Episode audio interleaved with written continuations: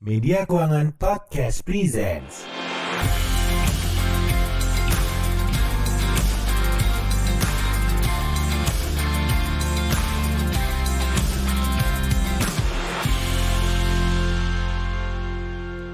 Hari di Denpasar sudah merayap menuju gelap.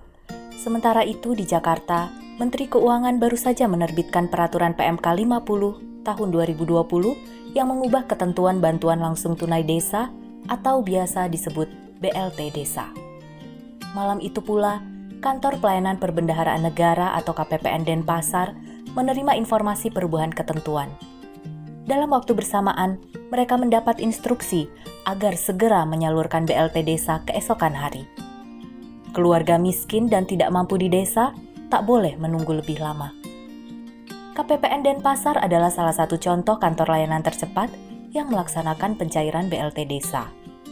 Jaring pengaman sosial pedesaan itu memang perlu disalurkan cepat agar manfaatnya dapat cepat pula dirasakan oleh keluarga yang mengalami dampak ekonomi akibat pandemi COVID-19.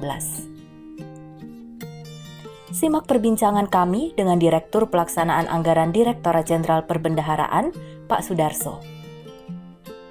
Pak Darso, bagaimana Pak proses penyaluran BLT Desa secara keseluruhan? Ya, makasih Mbak. Jadi BLT Desa ini kan merupakan salah satu program dalam rangka untuk penanganan percepatan penanganan pandemi COVID. Jadi kalau kita lihat uh, melihat BLT desa yang pada umumnya dalam situasi normal itu kan antara lain penggunaannya untuk infrastruktur itu kan pemberdayaan ekonomi di desa itu kan. Iya. Terus uh, antara lain untuk fasilitas-fasilitas yang diperlukan yang dipergunakan dan dibutuhkan oleh masyarakat desa. Nah, dalam uh, masa pandemi COVID ini ada perubahan kebijakan peruntukan yang didorong diarahkan oleh pemerintah pusat, yaitu berupa uh, padat karya tunai yang untuk bisa menyerap tenaga kerja yang ada di masyarakat itu padat karya tunai. Terus yang tidak kalah pentingnya yaitu uh, untuk penanganan pandemi COVID. Nah, penanganan pandemi COVID ini ada di aspek uh, kesehatannya, namun ada juga di aspek sosial safety net gitu. Uh, seperti yang kita ketahui bersama bahwa penyaluran dana desa itu kan uh, tahun lalu, tahun lalu itu dia masuk ke rekening kas umum daerah kabupaten kota. Setelah itu kabupaten kota nanti akan mentransfer ke rekening kas desa terhadap desa-desa yang telah memenuhi persyaratan. Nah, sejak tahun 2020 untuk mempercepat agar desa itu benar-benar bisa kegiatan yang telah direncanakan di APBDes-nya, maka dilakukan perubahan kebijakan di mana uh, kas negara KPPN melakukan penyaluran dari rekening kas negara ke RKD RKUD ke rekening kas umum desa, ah sorry, ke rekening kas umum kabupaten kota, dan pada saat yang sama mendebet rekening kas umum desa, eh, kas umum daerah tersebut ke rekening desa. Tentunya yang di, yang diusulkan oleh Pemda Kabupaten Kota itu adalah desa-desa memang yang telah memenuhi persyaratan dan layak salur gitu loh. Dan memang pada akhirnya ini mendorong desa-desa untuk bisa menyiapkan uh, lebih baik APBDes-nya itu lebih baik, terus rencana yang akan rencana program, rencana kegiatannya itu juga lebih baik. Walaupun di awal-awal implementasi kebijakan ini karena harus mencantumkan nomor rekening yang dimiliki oleh desa, itu juga ada isu mengenai kecepatan pembukaan rekening uh, desa. Namun pada akhirnya semua desa telah memenuhi uh, pembukaan rekening sesuai dengan yang ditentukan. Nah, jadi uh, itu yang tahun uh, tahun lalu tahun ini. Nah, sekarang bagaimana BLT desa ini? Skema dari kas negara tetap masuk ke RKUD, RK, RKD, RKUD, di debit langsung ke RKD. Nah, di dalamnya itu ada peruntukan untuk BLT desa. Yeah. Jadi pada saat penyaluran tahap pertama katakanlah untuk yang tahun ini di mana tahap pertama itu masih belum ada kebijakan uh, eh, BLT desa, ada ada pandemi COVID di sana uh, berdasarkan pemenuhan persyaratan yang dipenuhi oleh masing-masing desa untuk apa? Untuk telah ditetapkan di uh, APBD uh, APB desa masing-masing desa gitu loh Mbak. Ya. Berarti sebelum pandemi ini memang sudah ada kebijakan baru untuk tahun 2020 ini ya Pak ya? Ya, jadi kebijakan baru di luar pandemi itu adalah bahwa semua proyek didorong untuk padat karya tunai. Yeah. Ya, itu me mempergunakan tenaga kerja yang akan di yang ada di desa tersebut dan sebisa mungkin menggunakan material-material yang memang diperoleh atau dihasilkan dari desa tersebut sehingga harapannya perekonomian perekonomian desa itu menjadi lebih uh, ini lebih uh, berkembang itu bergulir gitu. Kalau dari perangkat desanya sendiri apakah ada yang langsung terlibat dengan KPPE-nya Pak atau melalui perantara BPKAD tadi itu Pak? Secara prinsip bisnis proses yang dibangun di dalam peraturan Menteri Keuangan maupun yang diatur dalam uh, peraturan Dirjen Perbendaraan itu tidak ada uh, hubungan langsung antara desa ke KPPN. Jadi desa meskipun dilakukan pemindah bukuan pada hari yang sama dari RKD ke RK dari RKUD ke RKD tetap peran dari uh, Pemda kabupaten kota itu uh, sentral gitu. Jadi kita tetap tidak bisa melakukan langsung ke kepala desanya, ke perangkat desanya, namun tetap bersama-sama dengan aparat Pemda yang terkait gitu. Kalau sampai per Juni ini uh, realisasi yang sudah disalurkan dari DJPB uh, berapa ya Pak? Oke. Mungkin Jadi ada data. saya ada data 16 Juni, 16 Juni ini untuk penyaluran dana desa tahap 1 sudah tahap 1 ya, berarti tahap 1 itu sebanyak 99,84 persen desa. Jadi sudah disalurkan ke 74.835 desa. Dari 75.000 desa kurang 5. Hmm. Sementara untuk tahap yang seluruhnya ya, Pak. Iya, tahap 2, tahap 2 itu sudah tersalurkan ke 4.180 desa atau sudah 53,61 persen Nah, sementara uh, desa itu membayarkan BLT desanya, ada yang menggunakan uh, penyaluran dana desa tahap pertama. Jadi yang uh, tahap pertama, ada yang menggunakan dana desa tahap kedua. Tergantung dari apakah tahap pertama itu sudah dipergunakan untuk kegiatan yang sebelum ada kebijakan untuk pandemi COVID ataukah tidak gitu loh. Karena kebutuhan masing-masing desa itu kan jumlah BLT-nya belum tentu sama, kegiatannya yang dilaksanakan juga me, apa, uh, tidak apa, belum tentu sama juga, apakah sudah menggunakan dana desa yang ada atau tidak gitu loh. Oleh karena itu uh, variatif gitu kan. Nah, sementara kalau untuk penyaluran BLT desa yang telah dilakukan oleh desa berdasarkan data yang kami peroleh dari Dinas Pemberdayaan Masyarakat Desa yang disampaikan ke KPPN sampai tanggal 16 Juni itu uh, kalau untuk bulan Aprilnya adalah sebanyak uh, 546 550 ribu 468 desa atau 67 persen gitu ya dengan jumlah KPM sebanyak 5 juta 712 ribu dengan nilai penyaluran 3 triliun 427 miliar. Itu untuk uh, jatah bulan April. Sementara jatah bulan Mei itu tersalurkan uh, pada 8.640 desa sebanyak 856.000 KPM dengan nilai 513 miliar. Dan untuk Juni, jadi bulan Juni ada yang sudah menyalurkan, ini sebanyak 1.304 desa uh, sebanyak 111.000 KPM 67 miliar. Nah, data ini rekan-rekan sekalian berdasarkan data yang diperoleh oleh Dinas PMD Kabupaten Kota dan disampaikan ke uh, KPPN. Tentunya data yang di lapangan akan lebih besar dari ini karena update dari desa itu tidak setiap hari gitu loh. Bisa jadi ada yang satu hari diupdate, namun di desa yang lainnya mungkin baru besoknya gitu loh.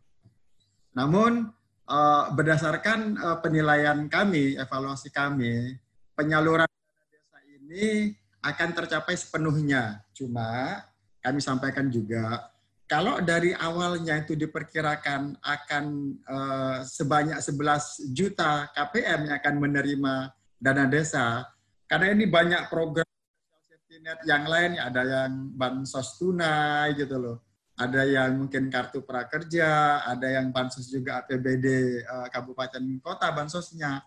Maka menurut perhitungan Kementerian Desa, diperkirakan target 11 juta KPM ini akan terrealisasi menjadi 8 juta KPM. Hmm. Sementara kalau uh, ditargetkan, uh, diperkirakan anggaran untuk kebutuhan uh, yang 11 juta ini adalah sebesar 31 triliun 800 miliar. Nah, untuk penyalurannya itu Pak ke masing-masing penerimanya itu tuh kan e, kemarin kita cek itu ada macam-macam juga ya Pak. Ada yang disalurkan tunai, tapi ada juga yang harus melalui beritanya ada yang harus pakai rekening bank. Nah itu kalau dari DJPB sendiri mensyaratkan itu enggak sih Pak? Uh, di dalam perumusan kebijakan uh, kemarin disepakati bahwa area bagaimana uh, antara ke, disepakati antara Kementerian Keuangan dengan Kemendagri dan Kementerian Desa. Jadi uh, Kementerian Keuangan waktu itu disepakati pada saat perumusan uh, PMK 50 mengatur mengenai berapa nih uh, nilai nominal yang akan diberikan kepada uh, ini kepada KPM gitu kan dan untuk berapa bulan. Nah di dalam PMK 50 diatur 600 ribu untuk tiga bulan per KPM per bulan gitu kan. Uh, tidak diatur lagi mengenai berapa persen bagian dari AP apa dana desa yang akan dipergunakan yang bisa dipergunakan untuk uh, pembayaran BLT. Sementara aspek dari setelah uh, eh, RKU setelah RKD itu menerima transfer dari kas negara, apakah itu akan dibayar tunai ataukah itu menggunakan non tunai, itu disepakati akan diatur oleh Kementerian Desa. Dan berdasarkan pengaturan yang ada, Kementerian Desa mengatur bahwa default untuk pembayaran BLT desa ini adalah non tunai. Artinya masuk ke dalam rekening. Namun ini suatu program yang baru dan di, di, uh, ditambah lagi bahwa programnya ini udah pertengahan jalan gitu loh. Sehingga berdasarkan data yang kami peroleh dari KPPN, uh, berdasarkan informasi dari Dinas PMD Kabupaten Kota, yang pembayaran secara uh, non secara non tunai masuk ke rekening itu tidak sampai 20 persen. Artinya 80 persennya itu dibayarkan secara tunai oleh uh, perangkat desa ke masing-masing KPM di desa yang bersangkutan. Tapi itu tidak menjadi masalah ya Pak? Mungkin karena kendala uh, teknis juga mungkin di geografisnya ya? Iya, jadi uh, kondisi ini bukan hanya terjadi di BLT desa, rekan-rekan sekalian. Katakanlah kalau kita berbicara mengenai bansos, ada bansos kartu sembako uh, dari semula uh, 15 juta 200 dinaikkan uh, menjadi 20 juta. Namun realisasi yang tertinggi sampai dengan bulan Juni itu tidak uh, itu baru sekitar 18 juta 200 ribu. Sisanya seperti apa? Sisanya ternyata ada kendala orang itu kalau, kalau bansos sembako ini kan masuk ke rekening dan di top up ke ini ke e-money-nya ternyata untuk bisa mengakses ke perbankan, untuk bisa mengakses belanja ke elektronik warung gotong royong di beberapa daerah yang sifatnya remote itu terkendala gitu Oleh karena itu, uh, untuk kartu sembako saja akan diinisiasi pembayaran secara tunai. Artinya terbuka opsi mengambil ke bank atau nanti dilakukan pembayaran melalui kantor pos. Nah, kondisi yang sama juga terjadi dalam penyaluran BLT dana desa. Nah, kira-kira seperti itu. uh, mungkin bisa diinfokan Pak daerah-daerah uh, mana saja yang realisasinya itu uh, lebih cepat gitu Pak. Kemarin saya sempat uh, baca berita juga seperti daerah Bali itu lebih lebih ini apa ya lebih tinggi realisasinya ya. Ada beberapa daerah yang secara konsisten itu kinerja penyalurannya bagus itu. Dari beberapa tahun setelah penyalurannya itu disebar melalui KPPN. Beberapa daerah tersebut di antaranya ya adalah Provinsi Bali Provinsi Bali itu hampir semua kabupaten kotanya memang lebih cepat uh, uh, penyalurannya. Yang berikutnya itu daerah istimewa Yogyakarta. Daerah Jakarta. Daerah yang lain di antaranya adalah Gorontalo. Gorontalo. Nah itu yang secara konsisten proses penyalurannya itu memang lebih uh, baik gitu, lebih cepat gitu. Kira-kira ada faktor tertentu yang membuat uh, mereka lebih cepat dalam menyalurkan ke desa atau ada atau kenapa Pak kira-kira Pak? Uh, satu hal yang menurut uh, pengamatan dan evaluasi kami, peran Pemda signifikan. Jadi uh, di tiga wilayah tersebut kami mengevaluasi bahwa Pemdanya baik yang provinsi maupun kabupaten kotanya itu proaktif untuk melakukan edukasi, sosialisasi, dan melakukan koordinasi uh, dengan kami di Kanwil maupun maupun KPPN gitu loh. Jadi itu uh, cukup signifikan pengaruhnya itu. Uh, kalau untuk di Bali kan juga untuk uh, penanganan pandemi juga keterlibatan uh, desa adat infonya juga mempunyai pengaruh yang besar ya Pak dalam menekan angka penyebaran. Apakah ya. dalam BLT desa ini juga faktor itu juga ada pengaruhnya Pak? Iya, betul, be uh, betul, dari DJPB sendiri uh, merasakan ada kendala apa saja Pak dalam penyaluran BLT desa ini, Pak? Uh, dari aspek penyaluran, dari aspek penyaluran uh, kami sih tidak merasakan kendala yang berarti. Cuma uh, pada saat kita berbicara mengenai bagaimana kita melakukan evaluasi atas uh, penyaluran BLT, itu tantangan yang bagi kami cukup uh, menantang itu. Kenapa?